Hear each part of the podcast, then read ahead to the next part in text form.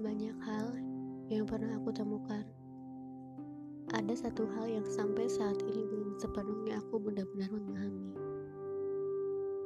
Tentang seseorang yang memberi pelukan, bukan hanya untuk memberi senang, melainkan juga rasa tenang. Sejak menemukan dia, aku benci membahas tentang perpisahan dan juga kehilangan. Sejak mencintai dia, aku jatuh cinta pada cara semesta yang memberi ruang untuk jatuh cinta dengan cara-cara yang rahasia. Sejak membersamai dia, aku tahu aku tidak lagi jatuh cinta pada matanya, melainkan juga pada hatinya.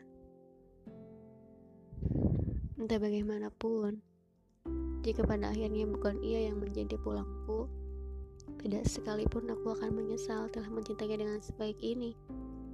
Aku bahagia telah menyediakan cinta yang baik, cinta yang tulus, cinta yang jujur, dan juga cinta yang menerima.